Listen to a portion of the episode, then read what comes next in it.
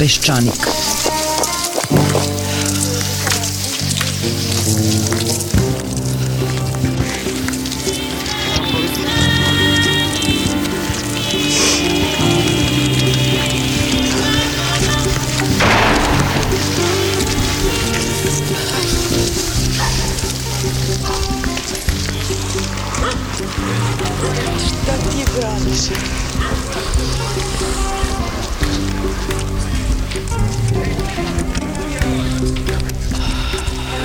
Peščanik.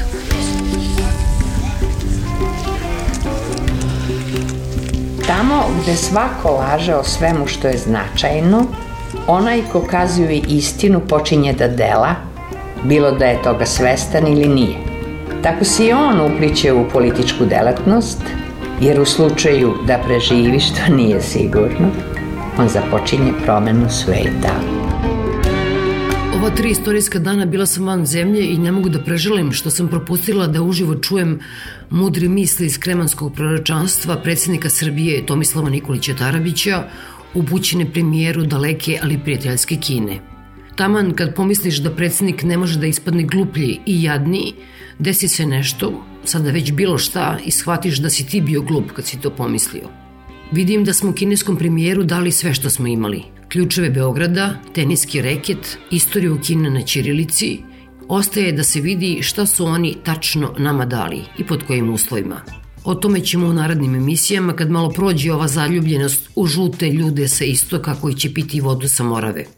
Uzgred na Moravi je nastala prava gužva. Godinama smo čekali ruske kozake koji će dojehati u Srbiju i pojeti konje na Moravi. Sada čekamo kineske investitore koji će do Morave dojehati na brzim prugama.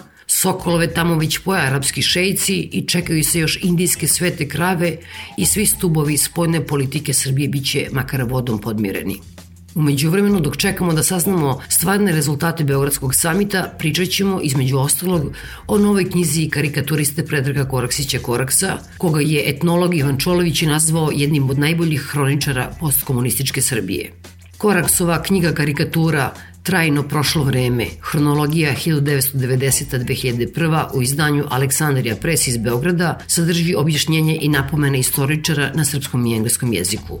Knjigu je inače priredila istoričarka Branka Prpa, a uvodne tekstove su napisali Dušan Makavejev, Bora Ćosić i Vladimir Pištalo. Slušate šta su na promociji Koraksove knjige rekli istoričarka Branka Prpa, etnolog Ivan Čolović i sam Koraks. Historiografija do sada nije napisala ni jednu knjigu od 90. godina.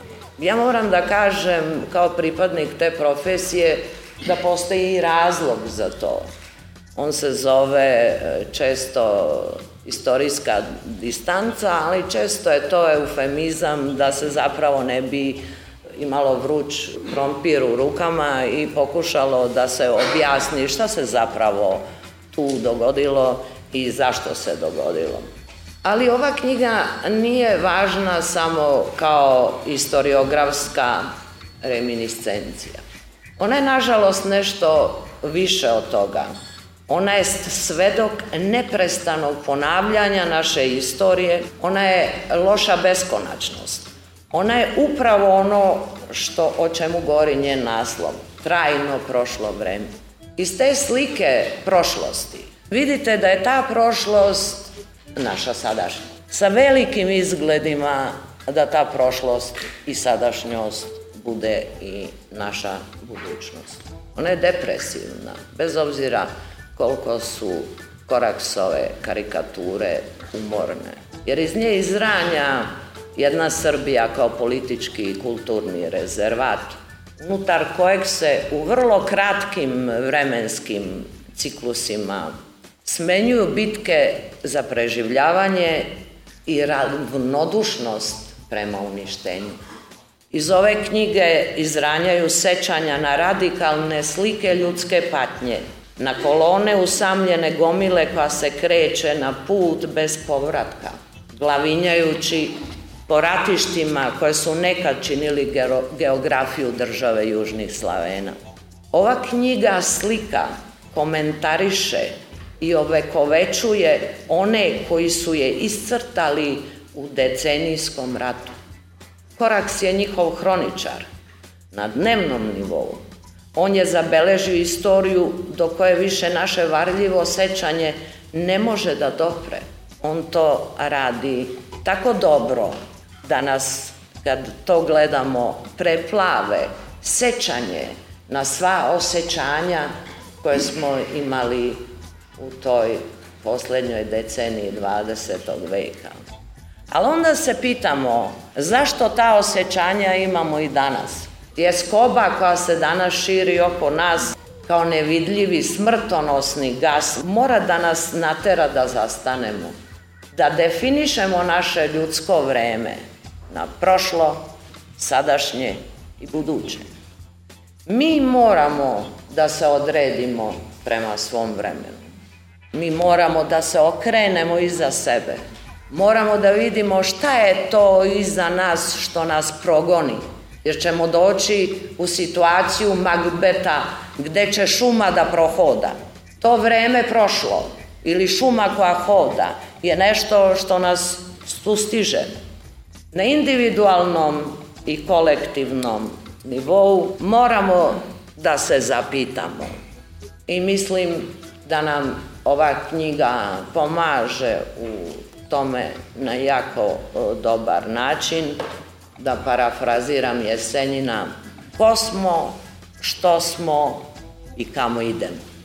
To je pitanje koje mi danas sebi treba da postavimo kao pojedinci, kao kolektivitet i kao nacija.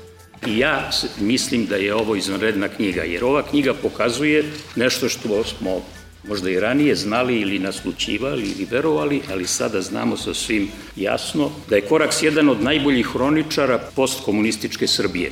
Izdavač i urednici ove knjige bili su i svesni jednog problema koji se javlja kad se Koraksovi crteži vežu za period u kome su nastali. U ovom slučaju za deceniju koju je obeležio Milošević. Jer mnogi od njih, od ovih crteža, lako se odvajaju od vremena svog nastanka i nalaze mesto i u ovom našem vremenu, aktuelni su i u novom kontekstu, kako se to kaže. A s druge strane, ima dosta karikatura koje je Korak kasnije napravio i danas pravi, koje kao da gore od želje da se pridruže onima iz 90. godina. Mogu tako, znači, da se šetaju tamo vamo. Zašto? Zato što sve one, bar ih ja tako vidim, a vidim da ih tako vidi i Branka Prpa, u stvari govore o jednom vremenu. To vreme se može naravno podeliti na nekoliko segmenata, sekvenci, na nekoliko perioda, na primjer na pre i posle Miloševića, na vreme rata i posleratno vreme, ali u osnovi, a to jest po idejama, fantazijama i po vrsti ljudi koji su za njega karakteristični, to je vreme srpskog postkomunizma koje je jedno vreme. Naslov poručuje da vreme koje je zabeleženo u Koraksovim karikaturama od 1990. do 2001. godine i dalje traje. Mi ne bismo znali ili ne bismo bili sigurni da prošlost o kojoj je ovde reč, dakle naše 90. i dalje traje, da nije umetnika hroničara kao što je Koraks. On je taj koji u efemernim događajima i ličnostima našeg političkog života vidi i nama pokazuje ono što u njima istrajava, ono što je u njih upisao duh vremena. Jer ja ne verujem da vraćanje na političku pozornicu nekadašnjih radikala i julovaca ili avanzovanje na njoj novinara koji su bili nosioci propagande Miloševićevog režima samo po sebi navodi ljude, uključujući one koje su 90. godina stradali, na zaključak da se to vreme vratilo. A to je i razumljivo. Ovde se više ne ratuje, bivši Šešeljevci i Miloševićevci veselo mašu evropskom zastavom, što i sama zastava odobrava. Ali evo Koraksove karikature iz 90-ih pokazuju nam, podsjećaju nas, dakle, da se stvari u međuvremenu nisu suštinski promenile, jer u njima nalazimo likove i scene koje neobično liče na one koje danas gledamo na političkoj pozornici Srbije. Prelistavajući Koraksove stare karikature ove iz 90-ih, ja sam nekoliko puta morao da zastanem i da sebi kažem, čekaj, zar ovo nisam juče video na mom televizoru? Istina, glavni junaci ovih karikatura, Milošević i Mirjana Marković, pripadaju prošlosti. Ali vrsta ljudi, vrsta vlasti i način vladanja koje su oni oličavali u mnogim tačkama, a to su, na primer, autokratija, populizam, kult vođe, podaništvo, korupcija, kontrola nad medijima i dalje traju. Upravo to možemo zapaziti gledajući danas ove stare Koraksove karikature. U njima je on zabeležio i u nizu prizora i portreta prikazao ono što sam ja nabrojio jezikom abstrakcija. To jest kako je Milošević vladao, kojim načinom, u kom duhu, uz pomoć koje vrste ljudi. A mi sada kad prilistavamo ovu knjigu vidimo da se manje više tako u Srbiji i danas vlada. Da je i dalje na pozornici jedan glavni lik i da se sve drugo vrti oko njega.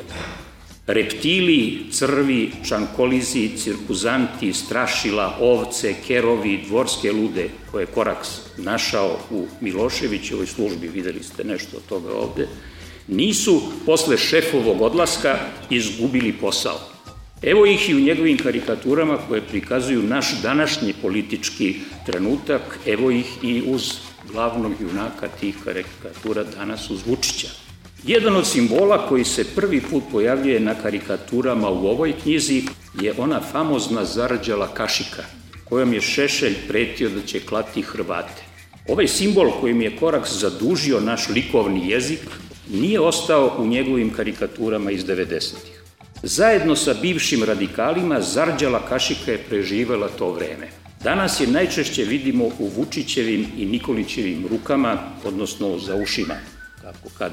Ona je sada simbol njihovog političkog porekla, podsjetnik na to odakle su, iz čijeg sna izišla ova dvojica, u kojoj pećinu nisu ispekli zanat ovi moćni momci, ovi današnji evropejci na čelu Srbije. Kad procenjujemo meru njihove transformacije, njihovog novog mirotvorstva i evropejstva, pa i kad optimistički i dobronamerno verujemo se oni zaista menjaju. Ne smemo da zaboravimo da je njihova karijera počela u znaku zarađale kašike, da su prve političke lekcije usali iz Šešeljeve ruke ovom istom kašikom.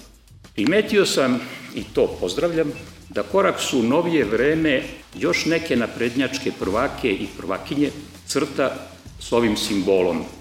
I bit će mi drago, i to ću pozdraviti, Ako tako nastavi, ako i one političare koji su nekad bili ljuti protivnici Miloševića i Šešelja, a danas su ministri i savetnici njegovih nekadašnjih učenika, počne da crta sa zarđalom kašikom. Na reveru ili kao na ogrlici, svejedno. Tek da se zna, da se ne zaboravi, da se novi saveznici Vučića i Nikolića ušli u ekipu čija je istorija počela u znaku zarđale kašike. Nedavno je Miljenko Jergović zastao pred karikaturom na kojoj Vučić snabdeven megafonom i naravno zarđalom kašikom zaustavlja kišu i poplavu. I napisao esej o toj mitskoj sceni kome je dao odgovarajući naslov Gospodar voda. Mnogi naučnici bezuspešno tragaju da otkriju način kako se može putovati kroz vreme i eventualno se vratiti nekoliko decenija u prošlost. Očigledno je da su aktuelni vlastodržci uspeli u potpunosti. Ovi crteže ideje uz minimalne korekcije mogu biti aktuelni i danas. Mnogi likovi iz ove knjige i sada su u vrhu vlasti. Sve liči na ono Miloševićevo vreme. Imamo takozvanu opoziciju koja jedva čeka da se nekako dodvori Vučiću i uđe u vlast. Imamo gomilu ulizica kao i za vreme Miloševića koji veličaju velikog vođu Vučića u svakoj prilici. Ovo vreme ipak se razlikuje od onog vremena 50, 90. godine kada se pojavio Milošević. To zlo koje su proizveli Milošević i Mira Marković ne bilo obično zlo. Posledice su bile katastrofalne. Nisam mogao, a ni smeo da se sa tim zlom pomirim i ostanem ravnodušan. Moj odgovor je morao da bude snažan i bez kompromisa. Kao kad ste kod neurologa koji vam udarcem čekića u potkolenicu ispituje reflekse, Tako sam se ja svakodnevno ritao crtajući karikature. Kad se pojavio Milošević i kad sam shvatio šta nam se sprema, ja sam jednostavno eksplodirao. Dok sam crtao, osjećao sam se superiorno. Imam utisak da se to osjećanje prenosilo i na ljude koji su gledali moje crteže, bar samo za trenutak. To je bila na neki način moja osveta za jad i bedu koju su na moji vlastodržci doneli.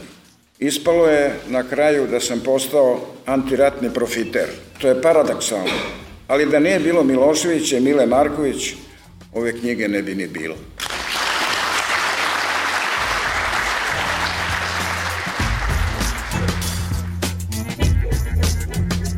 Pre nekoliko dana Pešanik je posle dužeg vremena održao jednu javnu tribinu i to u Pančevu koju je organizovala građanska akcija iz ovog grada. Na toj tribini su govorili pre svega o stanju u medijima Žarko Korać i izdavač Dejan Ilić. Poslednjih nekoliko dana, evo šta je najvažnija vest u Srbiji. Da je sin Cece Ražnjatović i Željka Ražnjatović Arkana napunio 18 godina, da imao beli smoking, da dobio sat Rolex i unutar te vesti najvažnija vest, na tom rođendanu je pevao Ivica Dačić, ministar spoljnih poslova Srbije. To je neka slika ne samo medija, nego ljudi koji vode ovu zemlju. Željko Ražnjatović Arkanović je kriminalac koji je osuđivan za pljačke i krađe u Evropi. Ceca je bila uhapšena u Sablji zato što je trebala da da alibi ubicama Zorana Đinđića i provela je neko vreme u zatvoru, zatim je osuđena zbog utaje poreza, prodaje igrača i to je pretvoreno milošću Borisa Tadića u kućni pritvor sa nanogicom, isplatila, ne znam, 3 miliona evra, ne znam koliko. I ako je to zaista centralna vest u jednoj zemlji, a to je u ozbiljnim medijima, ja ne govorim o tabloidima koji žive od toga, onda stvarno morate se zapitate gde su stigli zapravo naši mediji, da je ovako nešto uopšte moguće da bude na naslovnim stranama. Srbija je u svojoj tranziciji, po mišljenju, zaglavila iz jednog razloga koji obično ljudi ne žele da se s njim suoče, ali meni je on vrlo jasan. Srbija zapravo kad je krenula u svoju demokratski razvoj sa 10 godina zakašnjenja, ona je zatekla jednu opustošenu zemlju, razorenu zemlju, privreda nije radila. Dakle, ovo što se danas govori da je sve pokradeno između 2000. i 2010. godine, ordinarna laž, glavna pljačka je bila između 90. i 2000. godine, ali se to naravno ne pominje su na vlasti tačno oni ljudi koji su učestvovali u vlasti u tom periodu. Mi nikada nismo posle 2000. godine u stvari izveli bilan šta je bilo pogrešno u toj politici. Ne zato što neko misli da treba da se bičujemo, a bilo je razloga i da govorimo o svoje odgovornosti, nego zato što nismo napravili bilan šta je zapravo pogrešno u toj politici. Ako vi to ne uradite, onda vam se vrati ista vlast posle 10 godina, potpuno isti ljudi se vrati. To više nije moralno pitanje, to je logičko pitanje. Ljudi koji su zemlju jednom upropastili, zašto mislite da imaju šansu drugi put da će bolje s njom da uradi? Da li to znači da jednom političaru treba stalno davati šansu koliko god puta upropastio nešto? Vi ste došli danas opet na pitanje, kao i za vreme Tadića, a odbacili ste Tadića u politiku, čuvenoga Vuka Jeremića, mi ćemo i Evropu, i Rusiju, i ovo, i ono, i treće. I onda naravno ovi vas na zapadu pitaju, pa vi odlučujete o svom razvoju. Albanija je u Evropi, pa je pod Enver Hođom imala one bunkere i bila potpuno izolovana zemlja, oslonjena na Kinu koja je daleko. I 25 godina Albanija se ponašala, govorim o Republici Albaniji, kao da uopšte nije u Evropi. Ona objektivno bila van Evrope. Može tako i Srbija, to je malo teško zamisliti, ali je to moguće. Ne kažem da to vlast hoće, ali to moguće vidjeti. I onda vi, izabravši iste ljude koji sad kažu časna reč, mi ćemo sad to da uradimo potpuno drugačije, onda vi vidite jedan zanimljiv fenomen. Vi ne možete sebe da promenite kao ličnost. I vi kada druge ciljeve političke sebi stavite, recimo u slučaju Vučića to je tačno, evropske integracije, ali način kako hoćete da ostvarite cilje je potpuno identičan kao iz vremena kada se vi podržavali jednu drugu politiku. To znači autoritarno, nasilno, pretnjama, gušenje medija i, i najvažnije što se svi čute u ovoj zemlji prave da ne vide, razaranjem opozicije. Kod nas se opozicija neprekidno kriminalizuje. Znači, ti koristiš jedan rečnik, jedan način kriminalizacije koji u stvari ne dozvoljava normalan politički život. Srbija nema normalan politički Ovde se apsolutno ne dozvoljava kritika. Kritika odmah postaje lična i postaje kriminalnog karaktera. Iza tebe stoje tajkun, iza tebe stoji kapital, ti si bandit koji je opljačkao. Takav politički život je ne... I Srbija u stvari polako gubi politički život i cela Srbija ćuti. Ovde se ljudi više ne usuđuju javno da kritikuju. Ako meni ne verujete za kritičke medije, onda izvolite pogledajte sudbinu Olje, Olje Bečković. Gde je ona sad? Ili ima ona neku šansu negde tu emisiju radi koja je bila kritična prema Vučiću? Ona je eliminisana i to vrlo gledano. Znači, vi ovde sklanjate emisije koje skritikuje, kriminalizujete opoziciju. I Srbija polako počinje da liči na tamni vilajet. Ovde više nemate normalan politički život. I vi onda neprekidno vodeći neku, kao za vreme franske revolucije, kampanju protiv bogatih ljudi, pritom oni ne pominju svoje tajkune. I te kako postoje tajkuni finansiraju SNS i unutar SNS-a? Oni se ne pominju. Ja bih mogu postoje razna zanimljiva pitanja, na primjer. Šta radi stranka Bogoljuba Karića u koaliciji s Čovjek je na poternici, firma je, ovaj, kako bi rekao, istraživana. Šta on radi tu, ako ga izgovorimo o nekoj čistoći? Mislite da je dono mnogo glasova Bogoljub Karić policiji? Pa mislim da su neki drugi motivi da je on tu. Hapsite nekoga sa uh, silosima koje je manipulisao sa žitom i silosa, lažno prijavljivo, nije čak imao uslove da skladišti. A da li možda ima među poslanice bar jedan koji ima te krivične pripa narodim SNS-a? Ja ću vam kažem, potpuno ste selektivni u toj borbi protiv kriminala, vi gušite medije koji su kritični, vi ne date opoziciji da postoji, Izvinite, dragi prijatelji, prvi put od 2000. godine u Srbiji se ko ljudi uvukao strah u kosti. Ja prvi put to vidim. Ljudi su počeli da se plaše. Počeli su plaše lidera koji stalno govori i preti. Kome preti? Prvo kao da će doživotno da vladaju. Neće doživotno da vladaju. Odmah da vam kažem, kao Vučić, a u stvari popularniji su bila bar dvojica da sam ih gledao poslije 20 godina. Jedan je bio Milošević, o, sećam se ja kada je Milošević bio duh koji hoda, a drugi je bio Koštunica. Pa pogledajte jedan je umro u zatvoru, a drugi eno ga ide, šunja se. Tako će biti i sa Vučićem. Znači ja mu samo jednu stvar rekao, svi će sići stvar. Drugim rečima, mediji su onakvi kakva je vlast. I Srbija ima medije trivializovane, marginalizovane, koji linčuju kao besni psi. Kada vlast pokaže prstom, kaže drž, oni onda napadaju imaju tendenciju da uništavaju ljude. I nemojte, molim vas, da se zavodimo tezama da to zao kapita radi, da su novinari barabe, neki novinari, to je deo te priče, ali nije najbitnije. Najbitnije je da je svaka vlast na kraju krajeva pravi medije u svojoj meri. I samo još jednu stvar da spomenem. Izvinite, 50% ljudi u Srbiji tog čovjeka podržava. Ja znam da će ljudi istrezniti za godinu, dve dana, ali moje pitanje je koliko loma ćemo napraviti dok vidimo da su mediji osnova demokratskog društva. Slobodni mediji ili relativno slobodni ili mnogo slobodni su osnova demokratskog društva. I mi kad nemamo slobodne medije, mi danas, nažalost, ne možemo govoriti o tome da je Srbija u potpunosti slobodna, jer su građani neinformisani i mediji propusten, prođe neka informacija, ali uglavnom prođe ona koji kontroliše vlast. A jedna osoba je nedodiriva, to je premijer Srbije Aleksandar Vučić. Svakog možete kritikovati, mene opozicija na broza. Ja sam dovoljno mator, u ono vreme mogao sve da kritikuješ manje više, čak i malo komunističku partiju, ali broza ni smeo, to je bilo zabranjeno. I mi smo ponovo stigli do tačke da imamo nekog lidera, to nije bio ni Đinđi, to nije bio ni Koštunica, koga ja ne volim. Znači, sad smo došli do tačke da imate nekog neprikosnovenog autoritarnog lidera, to su besmislice. Imate jednog čovjeka koji misli da će nas on lično na svojim leđima, kao onom Feketiću, kao što je tamo spasavao decu u snegu, on misli da će celu Srbiju stavio zamežaj na ramena i odveše u svetlu budućnost, on može da traži podršku građana, on može da otvori medije za predloge i on može onda kada napravimo neki dogovor kako u Srbiji izvučemo iz ovog blata u kome se nalazi, za koji nije samo on odgovoran, onda tek možemo da razgovaramo kako da nam bude gore. Neke stvari nisu odrađene u tom periodu od 2000. do 2012. da mi sad prosto trpimo posledice ako već govorimo o kulturi, ako govorimo o tim događajima iz 90-ih i ako govorimo o onome što je poslužilo kao osnova da Srbija krene u te ratove i da se, jeli, izvrše ti zločini, da srpska strana napravi te zločine koje je napravila, ta priprema je određena u polju kulture, ta kultura koja je stajala kao nekakva osnova za sve to se nekako ustoličila tokom tih 90-ih, ali ona je institucionalizovana 2000-ih. Mi smo dobili školske programe 2000-ih koji su zapravo nekako bili kao neka vrsta uvođenja u škole svega onoga što je 90-ih bilo u medijskom prostoru, ali nije toliko bilo institucionalizovano kao što jeste tokom 2000-ih. Nije se nama ovo sad dogodilo slučajno je sad nama došao neko ko je strahovito zao i strahovito sposoban, pa je sad zaposeo ceo prostor i mi sad trpimo nekakve posledice šteta, a ne možemo tome da se odupremo jer je taj neko toliko moćan. Pa nije tačno. Pripremljen je teren za tog nekog da dođe tu gde je došao i pripremljen je teren da se on ponaša ovako kako se ponaša. I sad ako ćemo mi celu stvar da, celu stvar da pripišemo svu odgovornost jeli onima koji su trenutno na vlasti, ja mislim da ćemo pogrešiti to ozbiljno. Pomenuli ste lažne doktorate. Ja nemam problem s ljudima koji lažu kada pišu doktorati koji prepisuju. Mislim, ne znam, neki ljudi vole da na taj način da rešavaju probleme u životu ili da na taj način ispunjavaju zadatke. Njihovo je da probaju A onda je stvar nekih drugih ljudi kada su uhvaćeni u tome da nešto u vezi sa tim preduzmu. Kako je reagovala akademska zajednica na uhvaćene jeli, ljude u prevari i krađi kad je reč o doktoratima?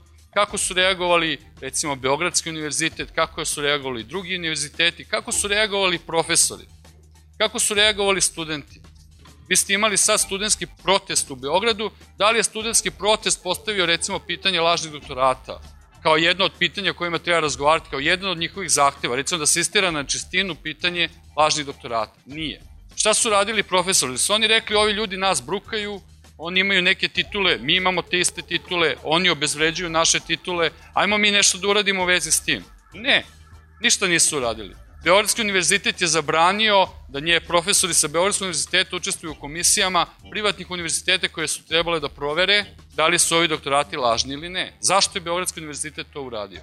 Kad mi govorimo o ovim stvarima, ja se uvek bojim toga da mi na jednoj strani imamo nekakve ono jako zle i strahovito sposobne ljude koji nama čine štetu, a mi smo bespomoćni, sad čekamo da to brođe, pa sad ne znamo koliko ćemo baš štete da pretrpimo i da ćemo uopšte dočekati da se oni sklone, pa jeli da mi počnemo da živimo bolje. Kao da to sa nama nema nikakve veze.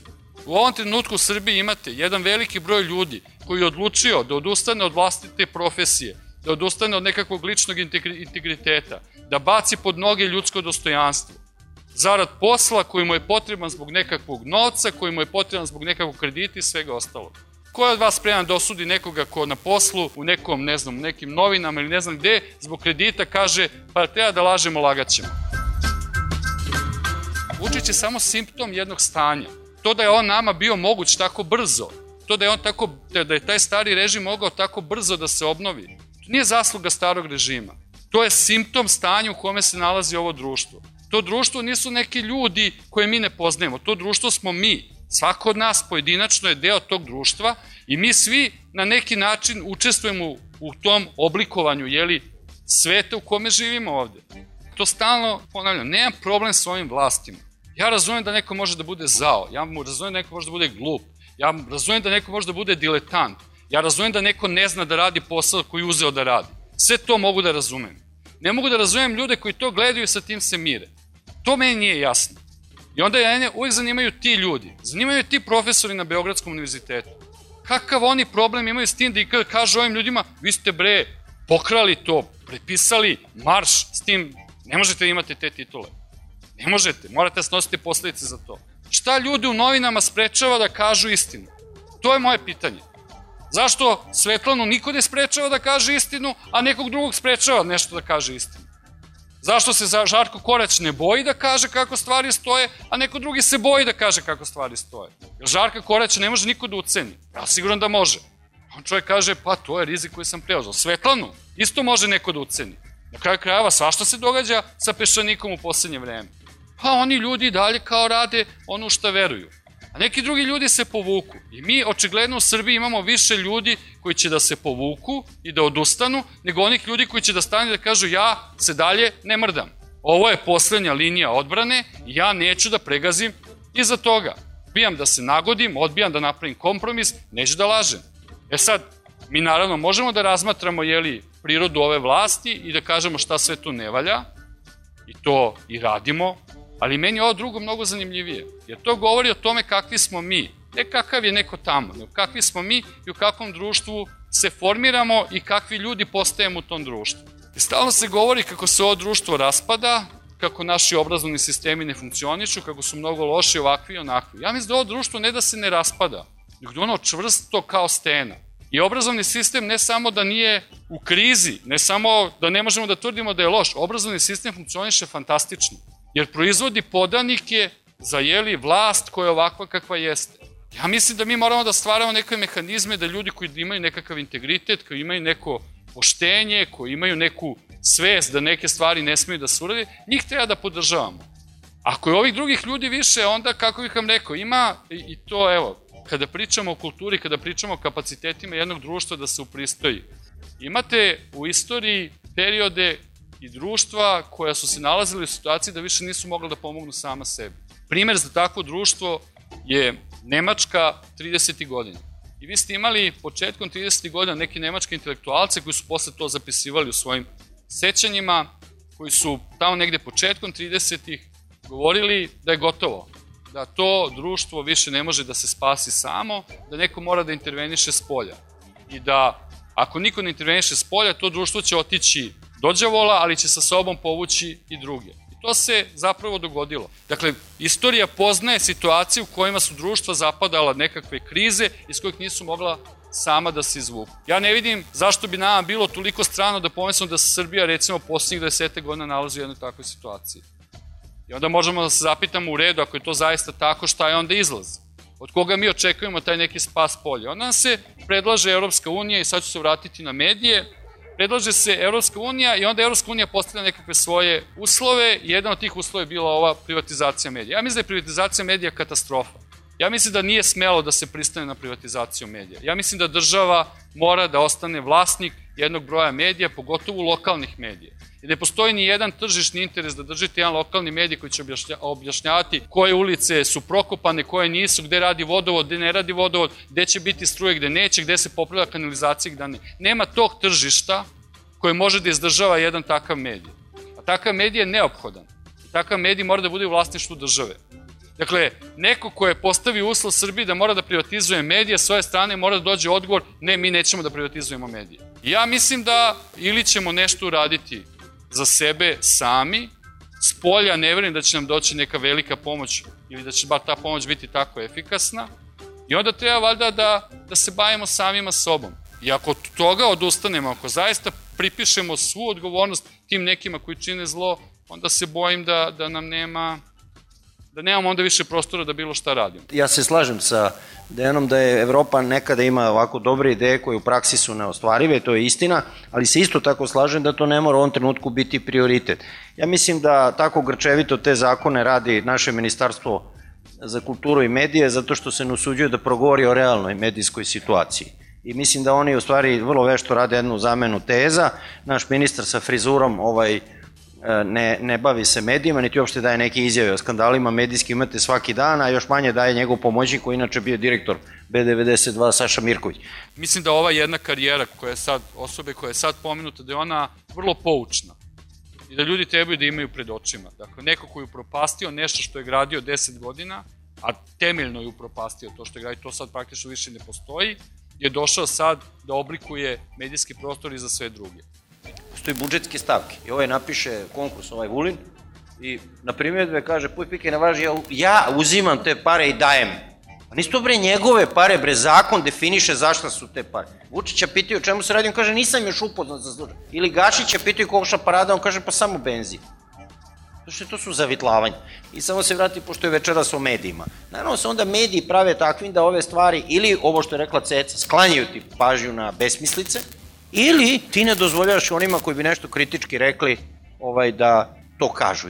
Kritici je bio podložan Đinđić, kritici je bio podložan pa čak i Koštunica. Kritike je bilo i na račun Tadića. Kako sad sad jedno pa jedan lider koji u 2014. godini, mi idemo korak unazad, ne može niko da, kao Putin, Pa šta oni hoće da kontrolišu? Da uvedu cenzuru u Srbiji u 2014. godini? Pa neće moći. Pa ne ide to tako. Ključna stvar je, Jeste zadovoljni, niste zadovoljni. Ako niste zadovoljni, probajte da uradite nešto. Ako ste zadovoljni, onda šta da radimo? Onda je sve u redu. Nezadovoljni ste na račun neke tuđe nesreće, ali kako ako vam to ne smeta, šta ćemo da radimo? Nema Srbija i mi. Ovo je Srbija. Mi smo Srbija. Zato ja neću da mi neko preti prstom i sve. Ja sam Srbija isto koliko i on. Koliko je on dobar, toliko je bolja Srbija. Koliko sam ja dobar, toliko je bolja Srbija. Koliko sam ja loš, Njegov neuspeh je neuspeh i moj, nažalost, ali jasno sam posle. Srbija, to smo mi. I ne treba da se povlačimo. Ovo je naša sudbina i naša... Niko neće doći ovde da nam popravi ovu zemlju. Teško je. Ja sam pitan zašto uvijek idemo najtežim putem. I kad sam rekao da nismo napravili bilans, nisam ja otvarao tu veliku temu lično lustracije, rata, zločina, nemam ja iluzije o svemu tome. I, ali ono što sam otvorio je to je da nismo napravili bilans. Mi nikada u Srbiji napravimo jedan bilans šta je loše što smo da ne bi ponovili. I onda kad to ne napraviš ti daš šansu drugim ljudima koji možda će ponovo da ti naprave iste greške, jer oni ni prve greške nam nisu rekli zašto su ih napravili. Eto, to, tome, ja govorim u smislu da gubim vreme s njim. Izvinite, ja neću da imam predsjednika države za koga ja u strahu gledam kad progovori ovaj negde javno, da li će nešto da lupne. Ja se stalno pitam da će da se saplete, padne, da li će da kaže nešto neadekvatno. Pa znam, nemojte, nije smešno. On predstavlja mene. Ono što meni se ne dopada i proti čega sam ja kategorički stvaranje jedne atmosfere autoritarne u društvu, pretnji, zatvaranja medija i toga, to nije demokratija i tako Srbija neće moći izaći iz ove rupe.